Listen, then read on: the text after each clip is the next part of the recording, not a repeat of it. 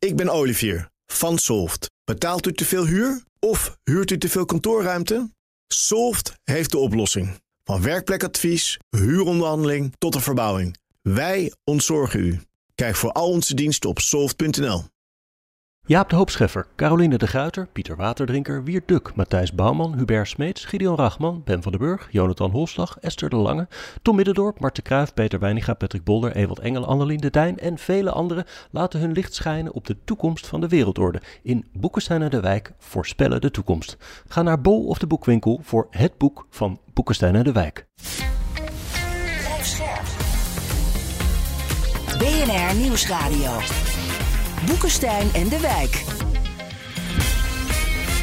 Hugo Reitsma. Welkom bij Boekenstein en de Wijk. Het is donderdag, dag 708 van de oorlog in Oekraïne. En uh, we doen weer Vraag maar Raak. Morgen in de uitzending alle aandacht voor Orbán versus de rest over de steun aan Oekraïne. We spreken elkaar voordat er over uitsluitsel is in Brussel. Uh, te beginnen met Toon de Laaf, die vraagt: In hoeverre heeft China een dreigende marine ten opzichte van de Amerikaanse marine in verband met het dreigende conflict in de Zuid-Chinese Zee? China heeft één vliegtuigschip ten opzichte van de vele maten grotere US Navy. Het komt toch feitelijk aan op kracht? Nou, het, het genuanceerde antwoord is dat wat ik lees is dat de Chinezen hebben nu meer schepen dan de Amerikanen. Ze zijn ontzettend aan het investeren. Hè? Maar de Amerikaanse vliegtuigschepen zijn een beetje geneutraliseerd door die raketten van China. Dus, die, dus de, de Amerikanen hebben geen overwicht meer in de Taiwan Sea. Dat is het antwoord dat ik weet. Wat weet jij, Rob? Ja, nee, dat is ook zo. Ik, uh, uh, ik was een paar jaar geleden was ik uh, uitgenodigd om naar Hawaii te komen. wat trouwens helemaal niet zo'n mooi eiland, eiland was waar ik was. maar dat terzijde, maar het was wel een kleerend vliegen door Admiral Davidson. Dat is de grote baas van de Pacific Fleet. En de discussie die wij hielden was hoe kon, hoe kon Amerika de Gele Zee dan wel de Zuid-Chinese Zee in? Hm. Nou, het antwoord was dat kan niet. En dat heeft precies met, eh, te maken met wat Arend Jan uh, suggereerde. Dat heeft te maken met de DF-21D, onder andere. de DF-21D is een ballistische raket, niet nucleair, maar, dus, uh, maar waardoor je door middel van kinetische kracht, dus uh, ja, gewoon een conventionele lading, een carrier, een, een vliegkampschip tot, tot zinken kan brengen. Ja. De Amerikanen hebben daar niet echt goed een antwoord op op dit, uh, dit ogenblik. Dus het enige wat je hm. kunt doen, is uh, buiten het bereik uh, van, uh, de, van de Chinese vloot of de, Chinese raketten, zelf raketten afvuur, afvuren, om ervoor te zorgen dat in ieder geval de Chinezen nog grote schade kan worden berokkend. Maar nee, dit is echt een geweldig probleem voor de Amerikanen. Dat wil zeggen dat de Chinezen natuurlijk zelf ook niet uit. Um, um, uit, uit hun havens kunnen komen. Want dat kun je dus natuurlijk ook allemaal wel voorkomen met Amerikaanse raketten. Maar het, hier zit dus wel een geweldig probleem in. En de Amerikanen hebben ook een uh, systeem om vanuit Amerika conventionele ladingen af te schieten naar bijvoorbeeld China. Dat heet Prompt Global Strike. Uh, dat zit eigenlijk gewoon op uh, intercontinentale raketten waar normaal gesproken een kernwapen op is geschroefd. Dus je, men zit te denken in dit soort in dit soort uh, scenario's. En ja, je komt er niet goed in. En de grote vraag is hoe je dat dan gaat doen. En daar, daar zijn wel antwoorden op, uh, maar die antwoorden kan ik uh, even niet geven. Ja, ja, maar dus de Amerikanen komen er niet goed in, de Chinezen komen er niet goed uit. Dus ja, dat klopt. Dan is ja. het beste ja, en, waarschijnlijk om geen oorlog te beginnen. Dat is wel op zich, is dat überhaupt wel verstandig, is mijn stellige overtuiging. maar wat je dus ook ziet, waar de... Um, uh, de Chinezen ontzettend bang voor zijn, is dat bijvoorbeeld de straat van Malakka wordt afgesloten. Om maar zo wat te noemen. En dan uh, betekent dat eigenlijk dat uh, alle handelsroutes, ja, die lopen gewoon helemaal spaak. En zeker als je zo ook nog een keer op allerlei andere plekken gaat, gaat onderbreken, dan hebben ze echt een geweldig probleem. Ja. Dus ja, nee, het is een geweldige vraag. En dit is ook precies het grote probleem waar de Amerikaanse strategen mee zitten. En, en, de Chinezen die, die, kiezen waarschijnlijk niet voor een bloedige invasie van Taiwan. Dat is ontzettend moeilijk militair. Hè? Maar wat ze wel kunnen doen, is een economische blokkade. Waar ze al twee keer mee geoefend hebben. Ja. Omdat wij daar gewoon ongelooflijk kwetsbaar voor zijn. Omdat onze ja. beurzen instorten.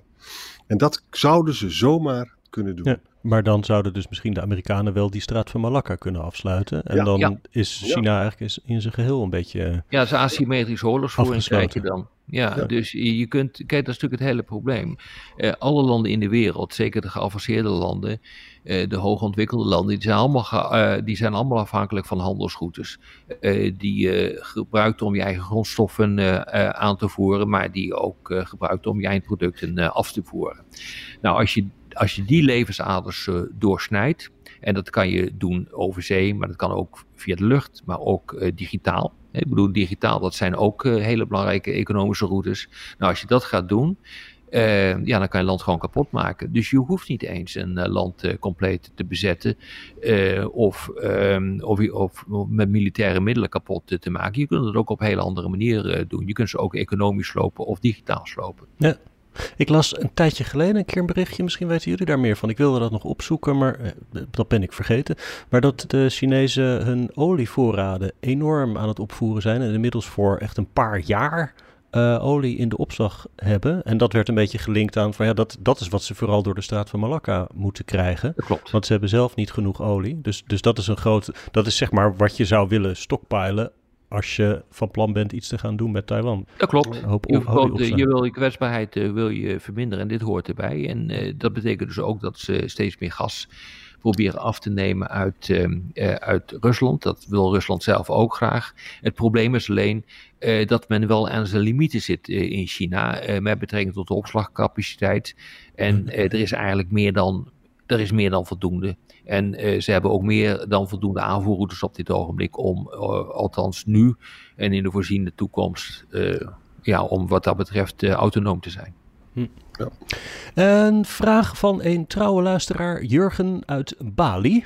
Die zegt: Nu er drie Amerikaanse servicemen zijn omgekomen en escalatie steeds waarschijnlijker lijkt in het Midden-Oosten, hoe zit het met de pivot naar de Pacific van de US? Zou een waarschijnlijk scenario kunnen zijn dat de VS Taiwan laten vallen nu ze steeds meer in conflicten elders worden gezogen?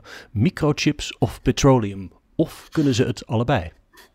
Nou kijk, eh, Amerika kan niet uh, op drie fronten tegelijkertijd opereren. Dat kan gewoon niet. Oekraïne en het Midden-Oosten en Taiwan. Dat is de mhm. eerste opmerking.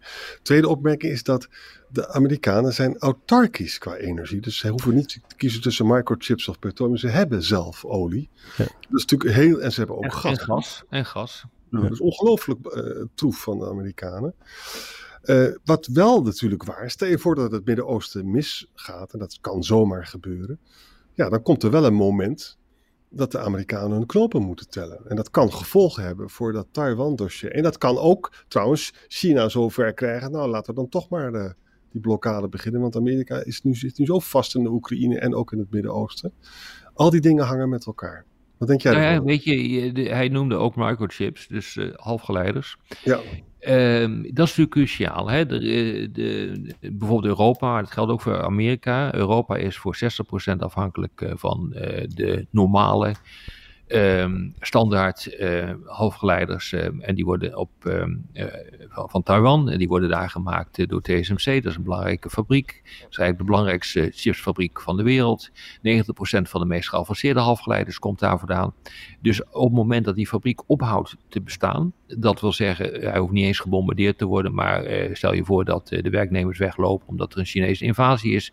Dan is de economische schade werkelijk gigantisch gigantisch. Ik bedoel, dat valt niet te becijferen. Hè. We klagen nu al over uh, de gevolgen van de olieprijzen voor uh, uh, van het, het, stopzetten van de importen vanuit Rusland. Maar dat wordt dan alleen maar erger. dus dan, en er is geen mogelijkheid om te. ja, om, om, om dat te compenseren. Dus geen olie meer of geen gas meer uit, uit Rusland. Dat valt, dat valt goed te compenseren, hebben we nu gemerkt. Maar chips niet. Uh, want die zijn er namelijk niet. Uh, je kunt nergens uh, zeer geavanceerde halfgeleiders verkopen. Dus op het moment dat het fout gaat in Taiwan, dan hebben we dus echt een geweldig probleem. En dan ben ik dus heel benieuwd wat de Amerikanen gaan doen. Kun je dan wel permitteren om Taiwan te laten, te laten gaan? Dat is echt zeer de vraag. We zijn er ook op dit ogenblik, wordt er ook in Nederland heel hard nagedacht um, over de consequenties daarvan. Maar die zijn niet mals, kan ik je melden. En daar hebben we niet op dit ogenblik echt een goede oplossing voor. Huh. Ligt misschien aan het perspectief van Jurgen helemaal vanuit Bali. Maar hij noemt dus van kan de VS zowel Taiwan als zeg maar, Israël verdedigen. Ehm, maar misschien is er een, een, andere die de VS dan als eerste zouden laten vallen. Dat is ons in Europa met Oekraïne. Eerlijk gezegd denk ik dat je daar helemaal gelijk in hebt. Want uh, als je dus ook naar uh, de nationale veiligheidsstrategie kijkt van, van Amerika, die pak weg onder Biden, nou wat zelfs zijn twee jaar geleden of zo, is gepresenteerd. Dan wordt er heel duidelijk gezegd, Rusland is niet een strategisch probleem. China is een strategisch probleem voor Amerika. Want dat daagt, dat land daagt Amerika uit als hegemoon, dus als belangrijkste macht op eh, de wereld en dat doet Rusland niet. De Rusland is gewoon eigenlijk alleen maar een stampvoetend uh, schreeuwend kind op het schoolplein uh, dat een draai om zijn oren moet hebben, maar dat geldt niet voor China. Ja. En als we het dan alleen moeten opknappen, daarover een vraag van Lars de Mooi uit Zaltbommel. En luisteraars uit Zaltbommel zijn ons altijd ietsje extra dierbaar. Absoluut. Dus die vraag nemen we meteen mee. Hij wil weten, hoe we voldoende getrainde mensen op de been kunnen brengen, mochten we ons moeten verdedigen tegen Russische agressie. Hij zegt onze levensstandaard en de daarbij behorende hoge kosten zijn een obstakel voor een ieder die wel een actieve rol wil pakken in het verdedigen van onze wereld. Jonge militairen kunnen geen huis betalen, ervaren veteranen hebben inmiddels een gezin en een huis en de daarbij behorende kosten. Wat zouden de overheden kunnen doen om mensen te ondersteunen die een actieve rol willen uitoefenen bij Defensie en voor bedrijven om hen te ondersteunen om medewerkers voor langere tijd los te kunnen laten? Dat is een hele goede vraag, hè? want de krijgsmacht, de professionele krijgsmacht die we hebben, die kan te weinig mensen krijgen. Dat is gewoon een enorm personeelstekort. Hè? Uh, met andere woorden, om die reden wordt, wordt er steeds vaker weer gesproken over de invoering van de dienstplicht. Hè? En er zijn twee denkscholen. Er zijn denkscholen, dat is een hele moderne, professioneel leger. Dat kan niet zo goed met dienstplichtigen werken. Maar we moeten misschien wel, gewoon vanwege dat personeelstekort. Wat denk jij erop? Ja, zeker. Er is, dat is echt gewoon de enige oplossing. Dus je moet naar reservisten toe gaan. Op hm. wat voor manier dan ook. Reservisten, dat kunnen. Uh, dat, die kunnen verschillende vormen aannemen, die zijn er nu ook. Maar reservisten zitten nu vooral in, uh, laten we zeggen, uh, de gespecialiseerde functies. Dus ja, je hebt een ICT-specialist nodig. Dat zou dan een reservist kunnen zijn voor Defensie. En die, die wordt dan opgeroepen op het moment dat, dat, dat die nodig is. maar je hebt ook gewoon mankracht nodig. Hè? Dat is de discussie waar we het volgens mij gisteren ook even over hebben gehad. Van Oekraïne moet 500.000 man oproepen. en hoe ga je dat dan doen? En dat is politiek een geweldig probleem. En dat is eigenlijk waar nu in deze vraag ook op wordt gedoeld. nee, daar, er wordt nu op dit ogenblik ook gekeken naar bijvoorbeeld het Zweedse of het Noorse model. Kijk, in Nederland is de dienstplicht niet afgeschaft, maar is opgeschort. Dus hij bestaat nog steeds. Dus je hebt nog steeds een reservoir, reservoir aan mensen die je in principe zou kunnen oproepen. Wat er in Noorwegen en Zweden gebeurt, is echt interessant. Daar, um, worden, daar krijgt iedereen een brief van, een, van een bepaalde leeftijd. En, de, en je ziet daar dat het ongelooflijk uh, interessant is om bij Defensie te gaan dienen voor een jaar of voor anderhalf jaar. Um, omdat het allemaal uh, geweldige voordelen heeft als je later een maatschappelijke ja. carrière wil beginnen. Dat is overigens hier ook inmiddels geregeld. Hè? Ik zag dat, ja. ik heb het nog even opgezocht, het bestaat sinds eind vorig jaar, het zogenaamde dienjaar bij Defensie. Ja, dus dat vooral gericht op, op jongeren, maar volgens mij ook gewoon zij-instromers ja, die exact. denken ik wil wel wat bij Defensie gaan doen. Dan word je opgeleid en je krijgt, verder, ook, je krijgt ook betaald. Ja, maar dit gaat wel een stap verder nog. Uh, ja. Maar op die manier creëer je natuurlijk een, een reservoir van mensen waar je uit kunt kiezen. Uh, en waar je een beroep op kunt doen als het, als het nodig is. Maar ik bedoel, mhm. hiermee ben je er niet, hè? Uh, want realiseer je wat dat betekent. Dit betekent natuurlijk ook dat je eenheden moet hebben die mobilisabel zijn. Dus je moet voor al die eenheden, die mogelijkerwijs in de toekomst worden gevuld, net zoals tijdens de Koude Oorlog, uh, moet je allemaal materiaal aanschaffen. Ja. Dus je moet het twee- of drievoudige van het materiaal aanschaffen om die mobilisabele eenheden te kunnen vullen. Ja, nou, ja. nou, zover zijn we nog erg niet. Maar dat doen ze dus in Noorwegen en, en Zweden zijn ze wel zover. He, maar de, de, die, uh, uh, dat, dat, dat besluit wat nu is genomen, wat je noemde, uh, ja, dat is denk ik een eerste stap in die richting. Maar je, ja, je kunt natuurlijk niet zeggen van, oké, okay, uh, soldaten, blij, fijn dat je er bent en vervolgens hebben we niks voor je. Ja. Ik ben erg benieuwd hoe Wilders daarover gaat stemmen. ja.